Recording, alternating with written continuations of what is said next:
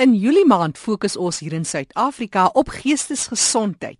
Kom hoor meer van die uitdagings wat hierdie nie-regeringsorganisasie mee sit. Dis die Suid-Afrikaanse Federasie vir Geestesgesondheid. En wat is van die uitdagings waarmee mense sit in ver afgeleë gebiede?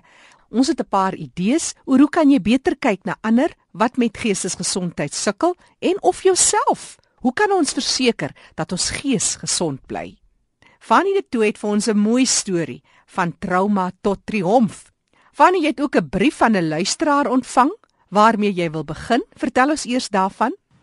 Meneer Gous, 'n parapleeg van Kaapstad skryf dat sy werkgewer nie genoeg begrip vir die mobiliteitsuitdagings wat hy ondervind het nie. Meneer Gous, in terme van die VN-konvensie is die Afrikaanse gemeenskap veronderstel om effektiewe maatreëls in te stel om persoonlike mobiliteit met die grootste moontlike mate van onafhanklikheid vir persone met gestremthede te verseker. En as daar drie dinge wat na vore kom, deur onder andere die persoonlike mobiliteit van mense met gestremthede te fasiliteer op die tyd en wyse van hul keuse en teen bekostigbare koste. Die tweede is die fasilitering van toegang van persone met gestremthede tot mobiliteitshulpmiddels en rolspelers wat hulpverlenende tegnologie vervaardig aan te moedig in die derde plek om alle aspekte van mobiliteit van persone met gestremdhede in ag te neem. Dis 'n baie belangrike saak. Gaan lees dus artikel 20 van die VN-konvensie wat deur Suid-Afrika onderteken is. Ek hoop dit bring bietjie meer duidelikheid oor hierdie aangeleentheid. Vandag kyk ek egter saam met 'n baie spesiale vrou en sy is al vir jare lank verantwoordelik vir die logistieke reëlings van die program Leefwêreld van die gestremde. Hierdie program is al meer as 750 uitsendings oud. Die feit is dat baie van die sukses van hierdie program kom haar toe. Louise Barnasconi, jy is 'n vrou met 'n gestremdheid vir wie ek baie respek het. Welkom hier by RSG. Baie dankie, Fanny. Dankie dat jy bereid is om jou lewe wêreld as 'n vrou met 'n gestremdheid met ons wil deel. Dis lekker om jou hier te hê. Vertel my meer oor jouself. Fanny, ek is 'n afgetrede verpleegkundige, eintlik as gevolg van mediese redes, en ek werk nou van die huis af om besig te bly. Ek het baie jare in Durban gebly waar ek baie gelukkig was. Maar toe ek afgetree het, het ek teruggegaan Bloemfontein toe waar ek groot geword het. Nou vertel my 'n bietjie oor die gestremdheid wat jy het.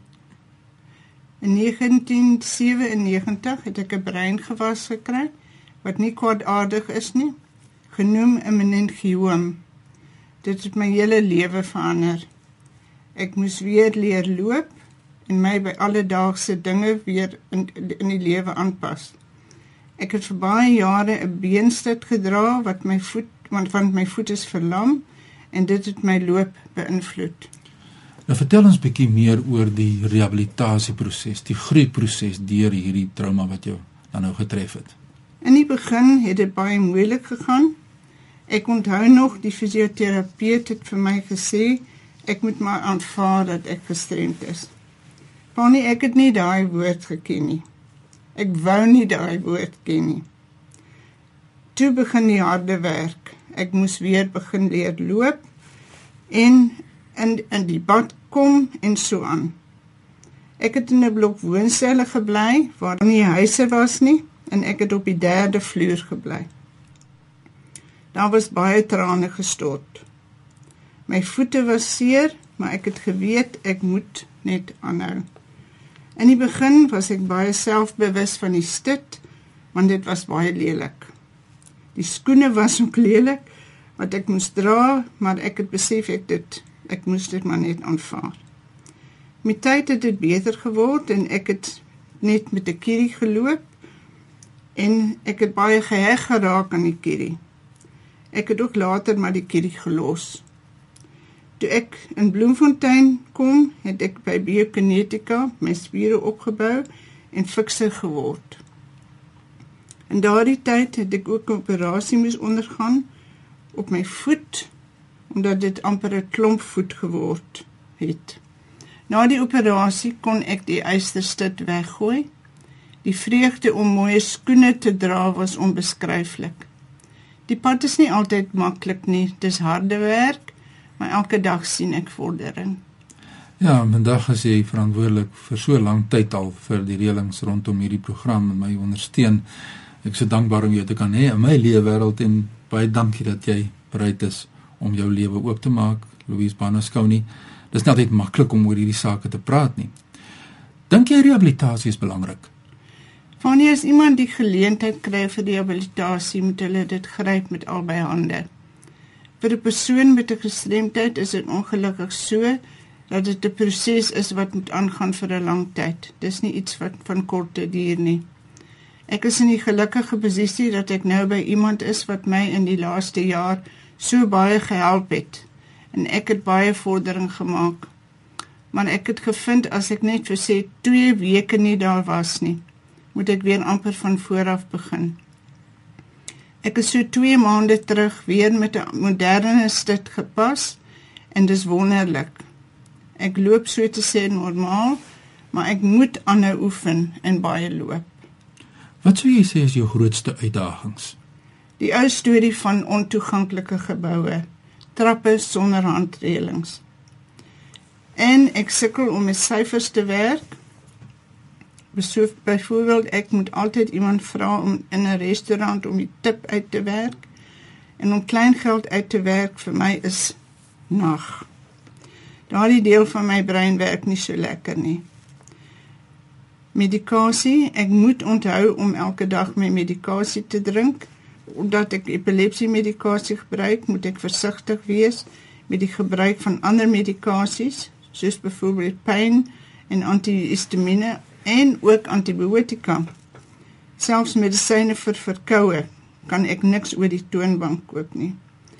Ek is ook in die gewoonte al om te vra as ek 'n voorskrif het, sal dit reg wees met my ander medikasie. Omdat ek nog 'n stukkie gewas in my brein het wat hulle nie kon verwyder nie, moet ek gereeld gaan vir skanderings. Ek is bly om te kan sê na my laaste skandering het my neuroloog gesê hy glo nie die gewas sal weer groei nie. Wonderlike goeie nuus, jy is so 'n bron van ondersteuning soos ek in die begin van die program gesê het jy is verantwoordelik om my te ondersteun in terme van logistieke reëlings van hierdie program of so baie jare so maak jy op jou stil beskeie wyse maak jy 'n groot groot verskil en ondersteun jy mense met gestremthede waar ons 'n platform in hierdie program dan skep in leefwêreld van die gestremde waar mense met gestremthede kan sê hoe hulle voel en hoe hulle voel oor sake wat hulle ten nouste raak en waar hulle dan uh, uitdagings moet aanpak en dis meer. So kom ons vertel 'n bietjie vir die luisteraars meer oor jou werk. Vertel watse werk doen jy dan nou spesifiek nou by die ondersteuning wat ek nou genoem het wat jy vir ons bied? Want ek is eintlik baie dankbaar vir die werk wat ek mee besig is. Afgesien van die feit dat dit my besig hou, is dit baie stimulerend. Ek wil ook net bysê dat ek vir baie jare nie kon 'n boek lees nie. As ek by die derde bladsy kom, kon ek nie onthou wat ek op die eerste een gelees het nie. So na 'n paar jaar wat ek die met die werk begin het, het ek besluit ek gaan maar weer probeer om 'n storieboek te lees. Tot my verbasing kon ek daardie hele boek lees. Soos jy kan dink verorber ek nou wat 'n boek is wanneer ek kan. Ek proeflees dokumente, ek vertaal. Dis iets wat ek ook baie geniet.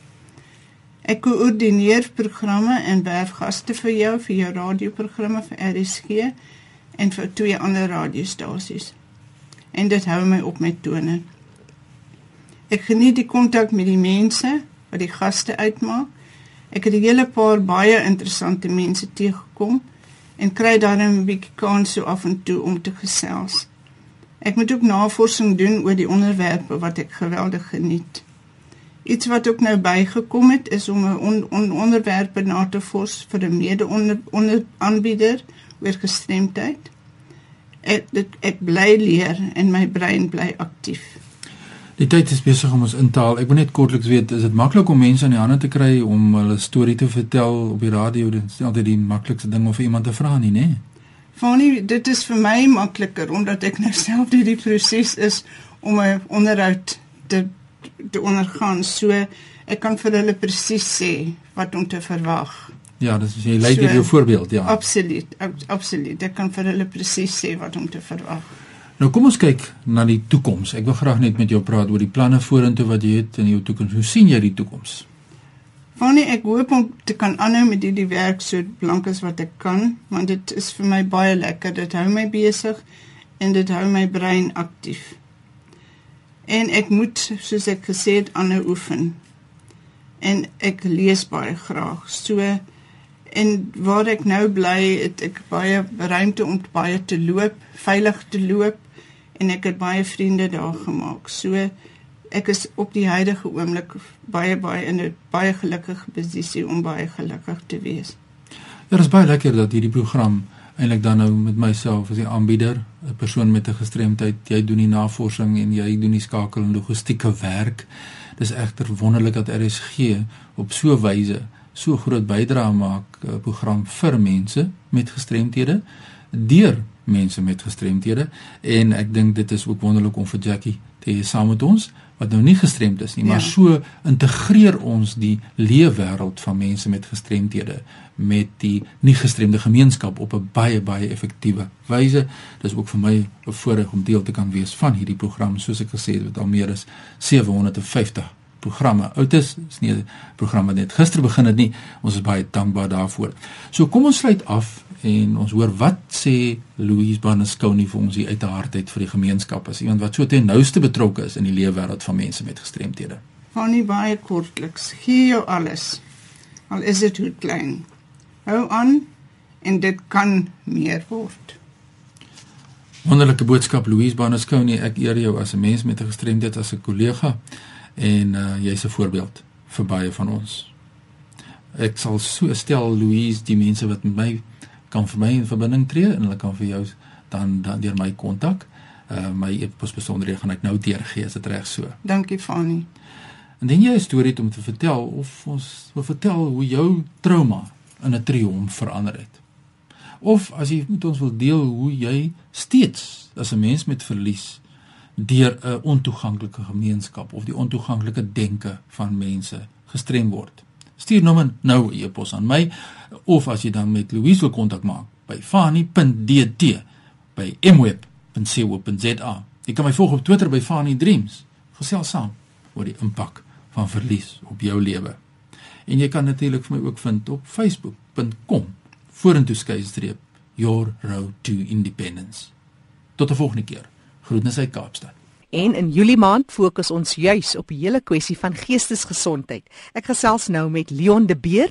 Leon is die adjunkdirekteur vir die Suid-Afrikaanse Federasie vir Geestesgesondheid. Leon, as ons praat van die maand van Julie maand, is dit net hier in Suid-Afrika waar ons nou spesifiek kyk na geestesgesondheid. Verduidelik ons. Dis 'n tradisionele ding wat nou vir baie jare hardloop, wat ons kyk na geestesgesondheid in Julie. Ehm um, in Oktober is die die 10de Oktober is wat hulle noem World Mental Health Day en dit is vir die, die Wêreldfederasie vir Geestesgesondheid. Hulle het op jaarliks 'n wêreldwye ding oor geestesgesondheid in Oktober. Maar vertel eens oor hierdie bekendmakingsveld tog. Hoekom en waaroor gaan dit die maand?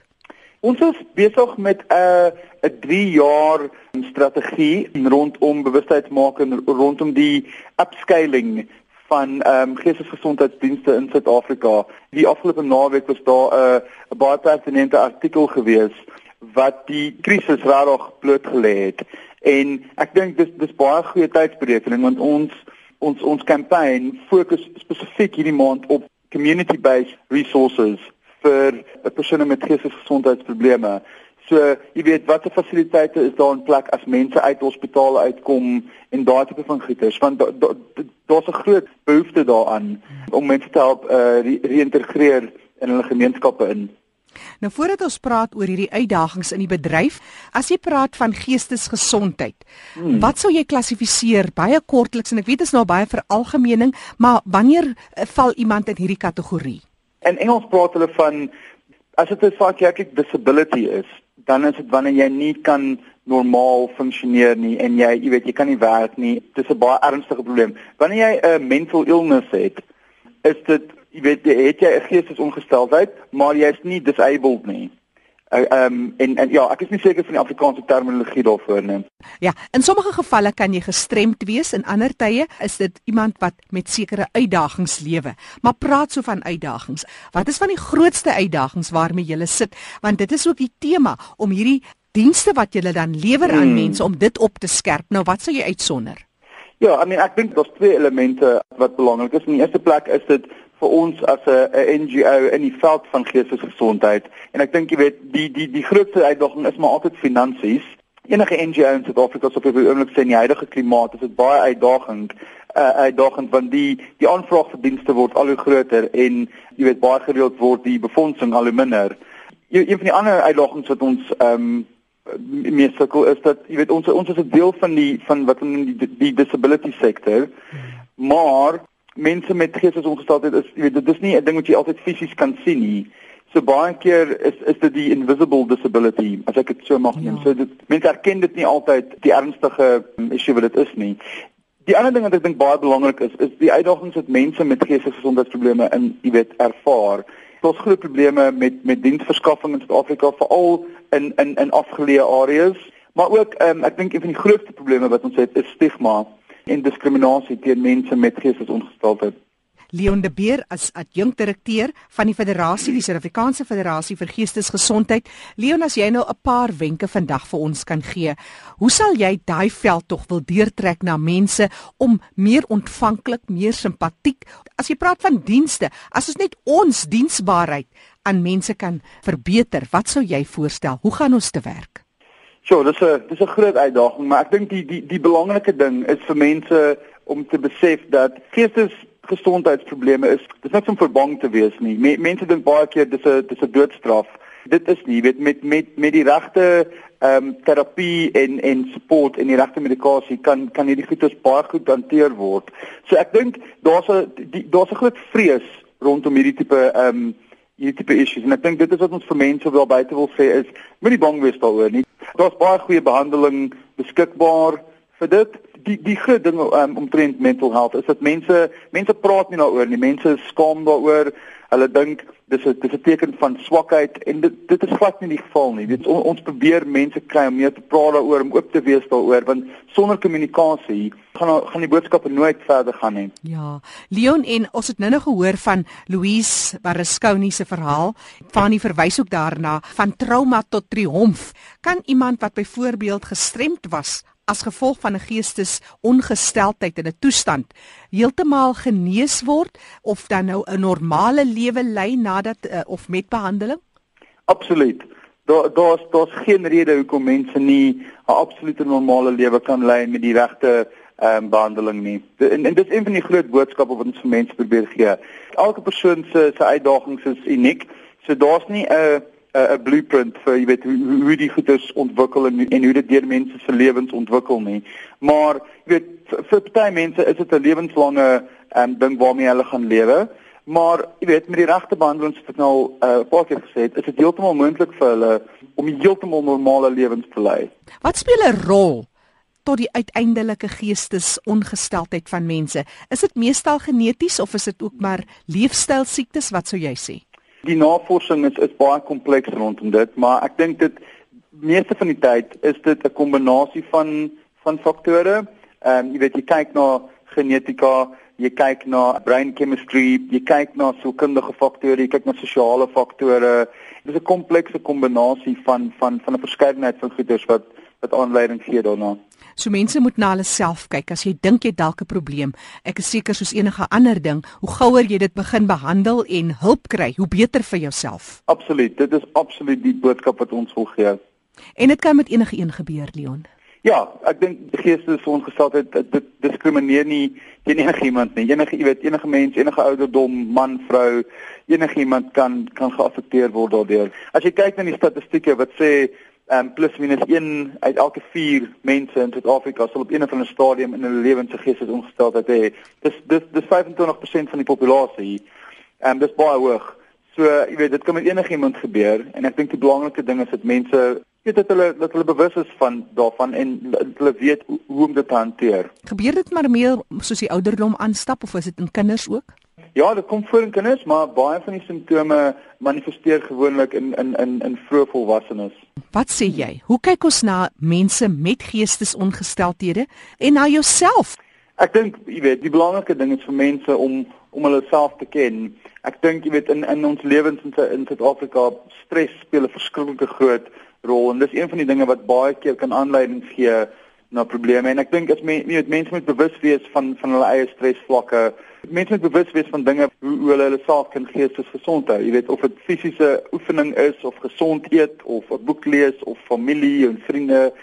Almal het hulle eie manier om na hulle self te kyk en mense moet bewus wees dat dit 'n rol speel in terme van van goeie geestesgesondheid. Mm. Moenie so swaar dra nie. Vergewe jouself en vergewe ander. Ja, absoluut. Ek dink jy weet dood eenvoudige goeders is ons almal is sit in ons kantore elke dag toegesluit. Mense vat baie min 'n middagete breek. Ons sê vir mense, gaan gaan uit, loop om die blok, kry vars lug, eet gesond, probeer om genoeg slaap te kry, doen fisiese oefening as jy kan gaan draf of loop of speel met jou troeteldiere of weet wees net 'n bietjie aktief en gee jou jouself kans om bietjie te um unwind. Hmm. Leon, dit klink vir my na basiese goed daai. Is Leon die beer wat met ons gesels? Hy is die adjunkdirekteur van die Suid-Afrikaanse Federasie vir Geestesgesondheid. In Julie maand fokus ons op geestesgesondheid in Suid-Afrika en jy het gesê die 6de Oktober 10de Oktober. Die 10de Oktober is Wêreldgeestesgesondheidsdag.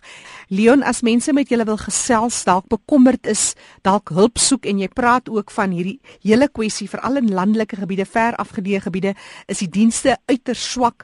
Hoe kan mense met julle kontak maak en dit dalk onder julle aandag bring? 'n Webtuiste of 'n telefoonnommer? Ja, hulle kan ons skakel um Johannesburg 011 781 1852 of ons webtuiste um, dis www.safmh.org en die SAFMA staan vir Suid-Afrikaanse Federasie of Mental Health. Yes, so South African Federation for Mental Health. Ek herhaal gou vinnig hierdie kontakbesonderhede. Dis 011 Johannesburg kode 781 1852 of die webtuiste www.safmh.org www.rsg.org. En as jy 'n mooi storie het met ons te deel, iemand wat van trauma tot triomf beweeg het, stuur 'n vinnige SMS. Ek sal graag met julle kontak wil maak. 3343. 'n SMS kos jou R1.50. Ek is Jackie January. Wat groet tot 'n volgende keer.